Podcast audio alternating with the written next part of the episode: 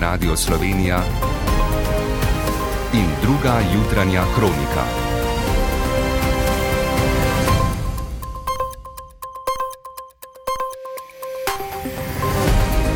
Ura je sedem. Dobro jutro. Lepo pozdravljeni. Nasilje na Bližnjem vzhodu se nadaljuje z nezmanjšano silo. Na izraelski strani je bilo ubitih najmanj 700 ljudi in na palestinski 400. Pripadniki Hamasa so zajeli veliko talcev, v Gazi je razseljenih več kot 100 tisoč palestincev. Pestro kadrovsko dogajanje v vladi iz minulega tedna se bo v začetnem razpletalo. Kljub odstopu ministrice za javno upravo Sanja Janovič-Hovnik se bodo nadaljevala pogajanja o plačah javnih uslužbencev. Sindikalisti so kritični do finančnega ministra Klemna Boštjančiča, Branimir Štrukl. Prvič v 30 letih zapisal, da prihodnje leto ne bo usklajevan vrednosti plačnih razredov. Finančni minister in premijer Robert Golob bosta državnemu zboru predstavila proračuna za prihodnji dve leti. Obnova po ujmah se bo financirala tudi z zvišanjem davka od dohodkov podjetij in davkom na bilančno vsoto bank. Predsednik fiskalnega sveta Davorin Kračun opozarja. Predvsem reševanje problemov eh, z dviganjem dajatev bi morali početi eh, s tresočo roko. Ljubitelji medija, ki ga pravkar poslušate, vabljeni v Ljubljansko cukrarno. Na audiofestivalu boste lahko doživeli več oddaj in podkastov nacionalnega radija. Predstavili bomo tudi vse slovenski projekt Radio Player Slovenija, direktor Mirko Štular. Kako zagotoviti uporabniku neko rešitev, ki ne bo zahtevala velikega napora za to, da bo imel pri roki tiste radijske postaje ali audio vsebine, ki jih on želi. Sončno z jutranjo meglo po nižinah bo najmanj do vključno četrtka. Z vami sva Gregor Budal in Sara Lutrič. Napadi Hamasa v Izraelu in silovit vojaški odgovor te države v Gazi so v minulih dveh dneh zahtevali že več kot 1100 smrtnih žrtev na obeh stranih. Med smrtnimi žrtvami je tudi več tujih državljanov. Ti so tudi med ugrabljenimi talci, ki jih Hamas zadržuje nekje v Gazi. Združene države Amerike, ki so napovedale popolno podporo Izraelu, v vzhodno sredozemlje pošiljajo svoje vojaške ladje. Več o razmerah v pogovoru Špela Novak. Dobro jutro. Dobro jutro. Sobotni napad Hamasa je bil silovit, prav tako izraelski odgovor, spopadi pa se očitno ne umirjajo. Ja, to je res. Po navedbah BBC-a je Hamas tudi to noč nadaljeval z raketiranjem Izraela. Nadaljujejo se tudi spopadi na tleh, saj je izraelska vojska sporočila, da so Hamasovi borci še vedno na izraelskem ozemlju. Izraelski Ruski odgovor je bil že doslej silovit. Po podatkih Združenih narodov je zaradi zračnih napadov razseljenih 123 tisoč palestincev, to je več kot dvajsetina prebivalstva v Gazi. Ubitih je bilo 400 ljudi, med njimi več deset otrok. Sobotni napad Hamasa naj bi po poročanju izraelskih medijev zahteval okrog 700 smrtnih žrtev, med njimi tudi več otrok. 260 trupel so našli na prizorišču glasbenega festivala blizu meje z Gazo, ki so ga v noči z petka na soboto prav tako napadli pripadniki Hamasa. It is uh, by far Kot je dejal tiskovni predstavnik izraelskih oboroženih sil, je bil to najhujši dan v izraelski zgodovini. Še nikoli prej v eni sami noči ni bilo ubitih toliko izraelcev, kot da bi združili ameriški 11. september in napad na Pearl Harbor. Izraelske oblasti so upoklicale 100 tisoč rezervistov, svarijo, da bo Gaza plačala zelo visoko ceno, ki jo bodo čutile še naslednje generacije.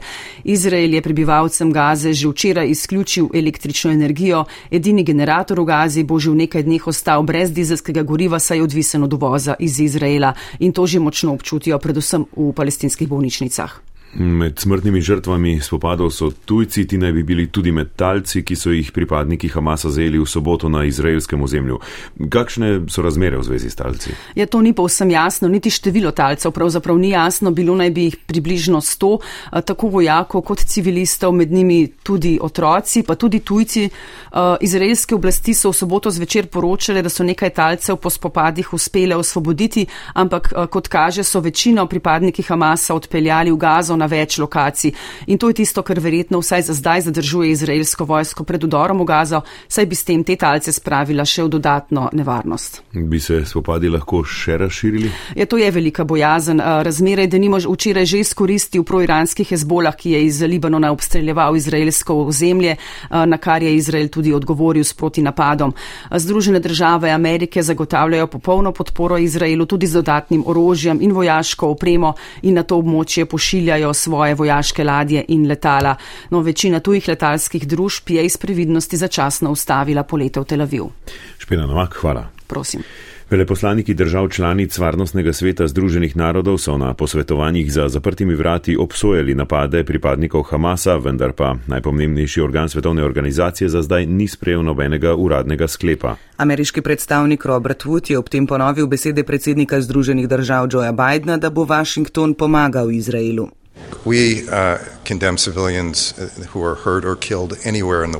Seveda obsojamo ubijanje civilistov kjerkoli po svetu, a sedaj je pomembno, da mednarodna skupnost pokaže solidarnost z Izraelci in še naprej obsoja Hamas, dokler ta ne bo končal svojih terorističnih aktivnosti proti izraelskim civilistom. Kitajski predstavnik Zhang Jun je prav tako obsodil ubijanje civilistov, a se vzdržal neposrednega kritiziranja ene ali druge strani. Zdaj je ključno, da preprečimo nadaljnje širjenje konflikta ter da se vrnemo k tako imenovani rešitvi dveh držav in mirovnemu procesu. Posvetovanjem Varnostnega sveta je kot opazovalec prisostoval tudi bodoči posebni predstavnik Slovenije v tem organu Samuel Žbogar. Na zahodu Afganistana se nadaljuje iskanje morebitnih preživelih po sobotnem silovitem potresu, ki je zahteval skoraj 2500 življenj, več tisoč ljudi je poškodovanih. Tamkajšnje oblasti so izrazile bojazen, da bo žrtev še več, saj so se ob potresu sprožili številni zemljski plazovi, ki reševalcem otežujejo dostop do prizadetih območij. Nemčija se obrača v desno, to je najpomembnejši zaključek ob pogledu na prve rezultate deželnih volitev, ki so včeraj potekale na Bavarskem in v Hesnu. Zmagovalca volitev v obeh deželah sta dozdajšnja ministerska predsednika iz konzervativne unije CDU-CSU. Po prvih neuradnih rezultatih volitev je v obeh deželah drugo uvrščena skrajno desna nacionalistična alternativa za Nemčijo, ostale stranke zavračajo sodelovanje z njo. Stranke vladne koalicije z izjemo zelenih izražajo razočaranje nad rezultati volitev.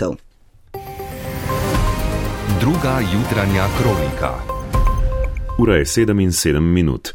Teden pred nami bodo v parlamentu kar krepko označevale tudi kadrovske odločitve.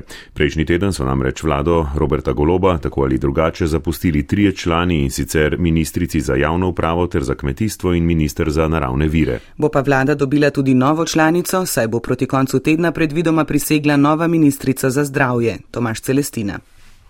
Predsednik vlade Robert Golop je zaradi zmanjšanega zaupanja in po njegovem slabo upravljenega dela odslovil ministrico za kmetijstvo Ireno Šinko in ministra za naravne vire Uroša Brežana, praktično takoj zatem pa Sterina dobil sporočila, da je škoda za vlado s tem večja kot za oba ministra, saj sta bila med tistimi, ki so svoje delo upravljali korektno.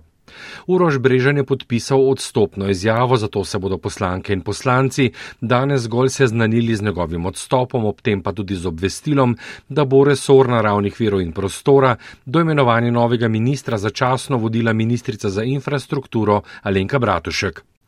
Irena Šinko je dejala, da sama ne bo podpisovala ničesar in da naj jo razreši tisti, ki jo je tudi imenoval. Vladna koalicija bo to storila v petek, začasno vodenje kmetijskega resorja bo prevzel ministr za obrambo Marjan Šarec. Zanimivo, Alenka Bratošek in Marjan Šarec sta oba nekdanja predsednika vlade in obema so voljivci na zadnjih volitvah pokazali vrata. Petek je tudi dan, ko bo pred državnim zborom predvidoma prisegla nova ministrica za zdravje Valentina Prevolnik Rupel, naslednica Danijela Bešiča Loredana, ki je ponujeno že napisano odstopno izjavo podpisal pred tremi meseci. Predsednik vlade Robert Golo pa mora državni zbor obvestiti tudi o odstopu ministrice za javno upravo Sanja Ajanovič Hovnik, ki se je povsem ujela v neuspešno pojasnevanje okoliščin razpisa za nevladne organizacije. Golop mora odločiti tudi, kdo bo zdaj začasno vodil resor javne uprave. Kljub odstopu ministrice za javno upravo Sanja Janovič-Hovnik so za popovdne sklicana pogajanja o novem plačnem sistemu v javnem sektorju. Sindikati na pogovore prihajajo kritični tako do novega vladnega predloga odprave plačnih nesorazmeri, kot do člena predloga zakona o izvrševanju proračuna, ki v prihodnjem letu onemogoča uskladitev osnovnih plač z inflacijo. Več Katja Arhar. Po tednu premora, ki je znova zarezal predvideno časovnico poteka pogajanj in po petkovem odstopu ministrice za javno upravo, nad usodo pogajanj visi kar nekaj vprašajev. Sindikalist Branimir Štrukal.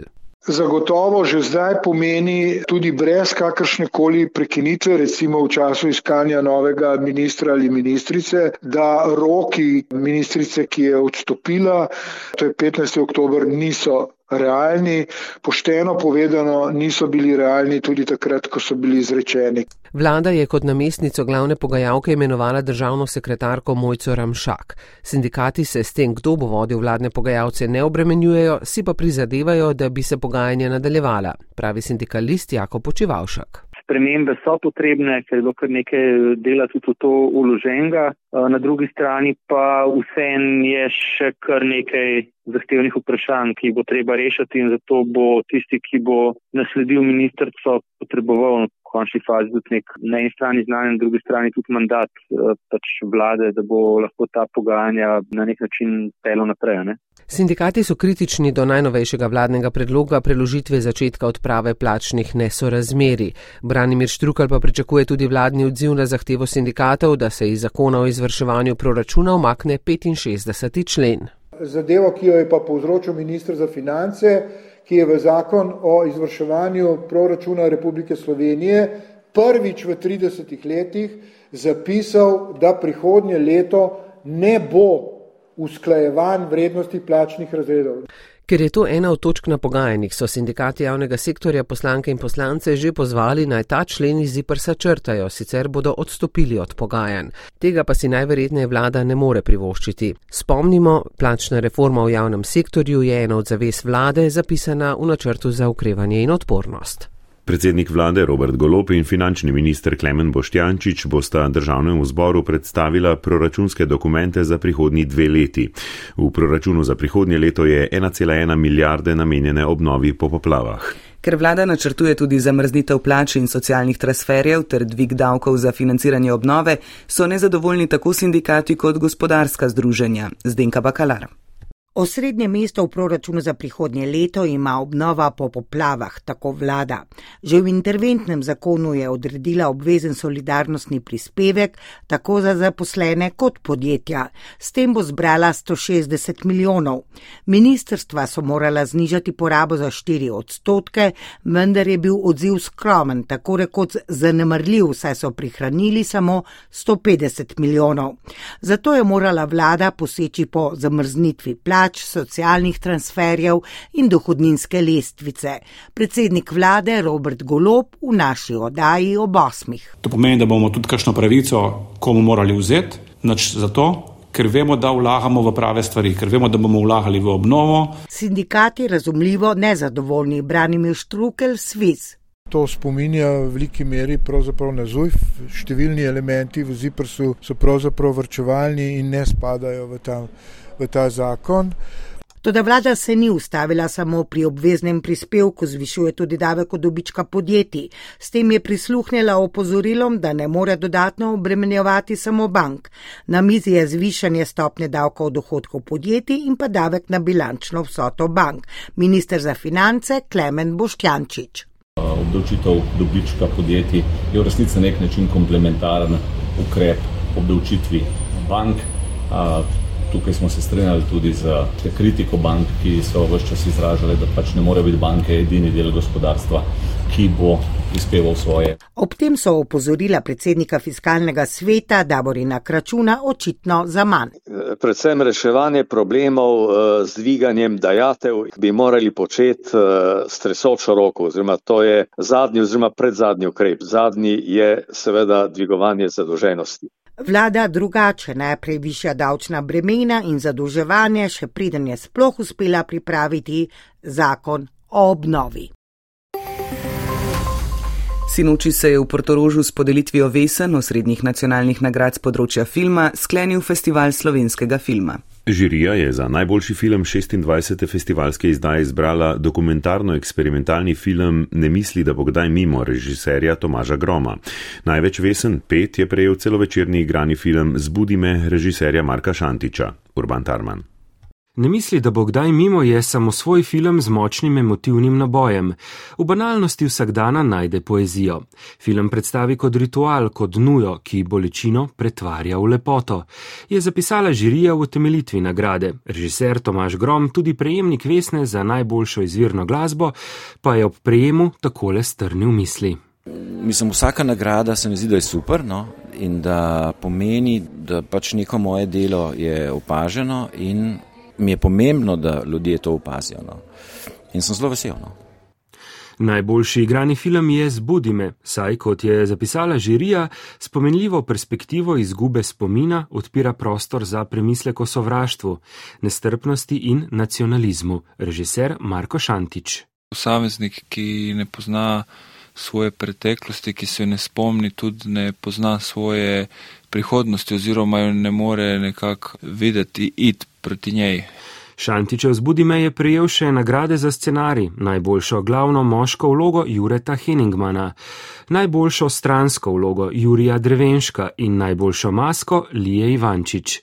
Vesna za najboljšo režijo je šla v roke Ivana Grgoleta za film Mož brez krivde, ki je prejel še nagradi za najboljši celovečerni prvenec in art kino mreže. Vesno za najboljšo glavno žensko vlogo je prijela Diana Kolenc za nastop v filmu Opazovanje, ki so ga nagradili tudi za najboljšo scenografijo Špele Jelovčan in Vaslje Koklja, ter najboljši zvok Julija Zornika in Igorja Popovskega. Vesno za najboljši dokumentarni film so namenili telesu režiserke Petre Seliškar, medtem ko je najboljši kratki film festivala v Portorožu, kako sem se naučila obešati perilo režiserke Barbare Zemlič. V Ljubljanski cukrarni bo danes potekal audio festival. Gre za festival sodobne govorne audioprodukcije in radijskega medija, ki ga že drugič pripravlja Radio Slovenija. Celodnevni program je letos še bogatejši, zvrstile se bodo različne delavnice, razprave, premjerna predvajanja, nastopili bodo gostujoči predavatelji iz Slovenije in tujine. Več Lucija Dimnik Rikič. Audiofestival ima letos močan mednarodni pečat in se še bolj osredotoča na sam razvojni vidik radija kot medija, pojasnjuje vršilec dožnosti direktorja Radija Slovenija Mirko Štular.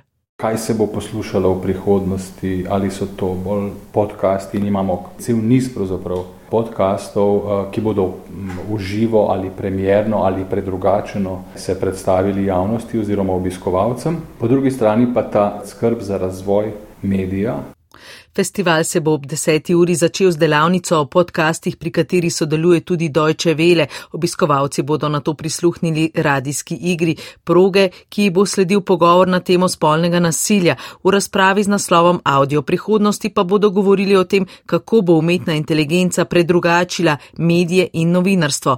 V podkastu o politiki umetnost možnega bo tokrat uživo pred občinstvom, poleg Matije Stepišnika in Mirana Lesjaka nastopil Ali Žerdin, ki ima opomnik, ko so na vrsti radijska poročila.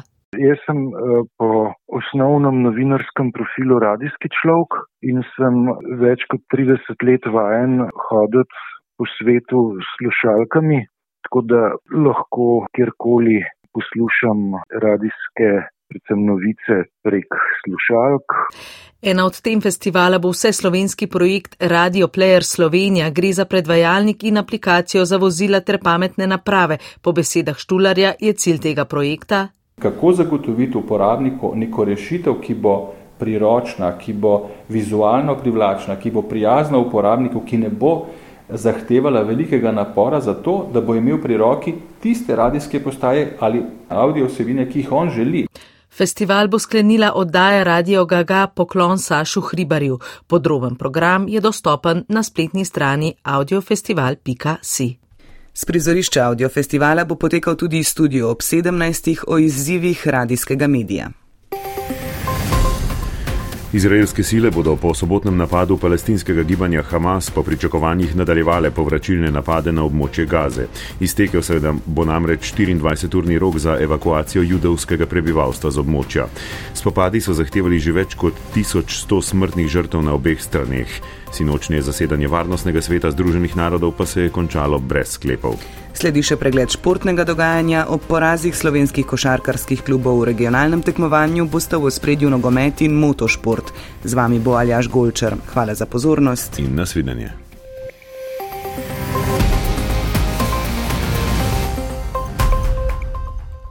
V Jadranski košarkarski ligi sta v drugem krogu oba slovenska kluba sinoči visoko izgubila. Olimpija je v Beogradu proti Crveni zvezdi izgubila 94 proti 51. Pri slovenskih državnih prvakih je dvomestno število točk dosegel le krilni center Amadu Sov z 19 točkami najučinkovitejši posameznik tekme. Način, na kakršnega smo izgubili, je nesprejemljiv. Usesti se moramo skupaj in ugotoviti, kaj je šlo narobe. Moramo se izboljšati, čakata nas dve domači tekmi, ki jo moramo dobiti. 13 točke k zmagi Crvene zvezde prispeval slovenski reprezentant Mike Toby, Krka pa je v novem mestu proti drugemu beograjskemu velikanu Partizanu izgubila 96 proti 56. V državnem nogometnem prvenstvu je bil sinoči končan 12. krok, Koper po zmagi nad Aluminijem 4 proti 1 ostaja na drugem mestu lestvice, tretja Olimpija je doma remizirala s pred zadnjimi radomljami, izid je bil 1 proti 1, sedme domžale pa so s 3 proti nič premagale zadnjo rogaško. Na odbojkarskih kvalifikacijskih turnirjih za olimpijske igre so si mesto v Parizu zagotovile reprezentance Brazilije, Nemčije, Polske, Kanade, Japonske in Združenih držav Amerike. Slovenija je na zadnji tekmi s 3 proti nič premagala Srbijo in napredovala na sedmo mesto svetovne lestvice, s čimer ostaja v igri za nastop v Parizu. Matej Mohorič je postal svetovni kolesarski prvak na Makadamu, 28-letnik je bil v Benečiji najmočnejši v skupini ubežnikov. S 76. dirko za pokal narodov se je uradno končala letošnja sezona v motokrosu, na ekipnem svetovnem prvenstvu v Franciji je zmagala domača zasedba, slovenska trojica v postavi Tim Gajser, Jan Pancer in Miha Bubnič je osvojila deveto mesto ter izenačila svoj najboljši izid doslej. Kapetan reprezentance Tim Gajser je svoji vožnji končal na petem in sedmem mestu. E, mislim, da moramo biti s tem rezultatom zelo zadovoljni, biti deveti med samimi takimi vele silami motokrosa e, za neko malo Slovenijo, ko nas je samo 2 milijona. Mislim, da pred nami je bila Amerika, ki vemo, koliko milijonov jih je. Solidne vožnje, rekel iz moje strani. E, Jan je vrhunsko odpeljal, tudi Miha je dal, je pustil srce na proge. Vsi skupaj smo pripomogli k temu e, vrhunskemu rezultatu, tako da ja, super je bilo. Še ostajamo pri motošportu. Max Verstappen v Red Bullu je z najboljšega startnega položaja sinoči zmagal na dirki Formule 1 za veliko nagrado Katarja, že dan prej v soboto je nizozemec na sprintu tretjič postal svetovni prvak. Na zaključku sezone v kajakaškem krosu v Parizu je Tine Kancler osvojil sedmo mesto in za konec dosegel svojo najboljšo uvrstitev v sezoni. Smučarski skakalci in skakalke pa so v Klingentalu zmešano ekipno tekmo potegnili črto pod poletno veliko nagrado, zmagala je Nemčija pred Japonsko in Avstrijo, Slovenija je v zasedbi Ema Klinec, Timi Zajcnika Križnar in Anžela Nišek osvojila četrto mesto. Poslušali ste drugo jutranjo kroniko. Urednik Niko Robaus, voditelja Sara Lotrič in Gregor Budal, tonski mojster Igor Kropec.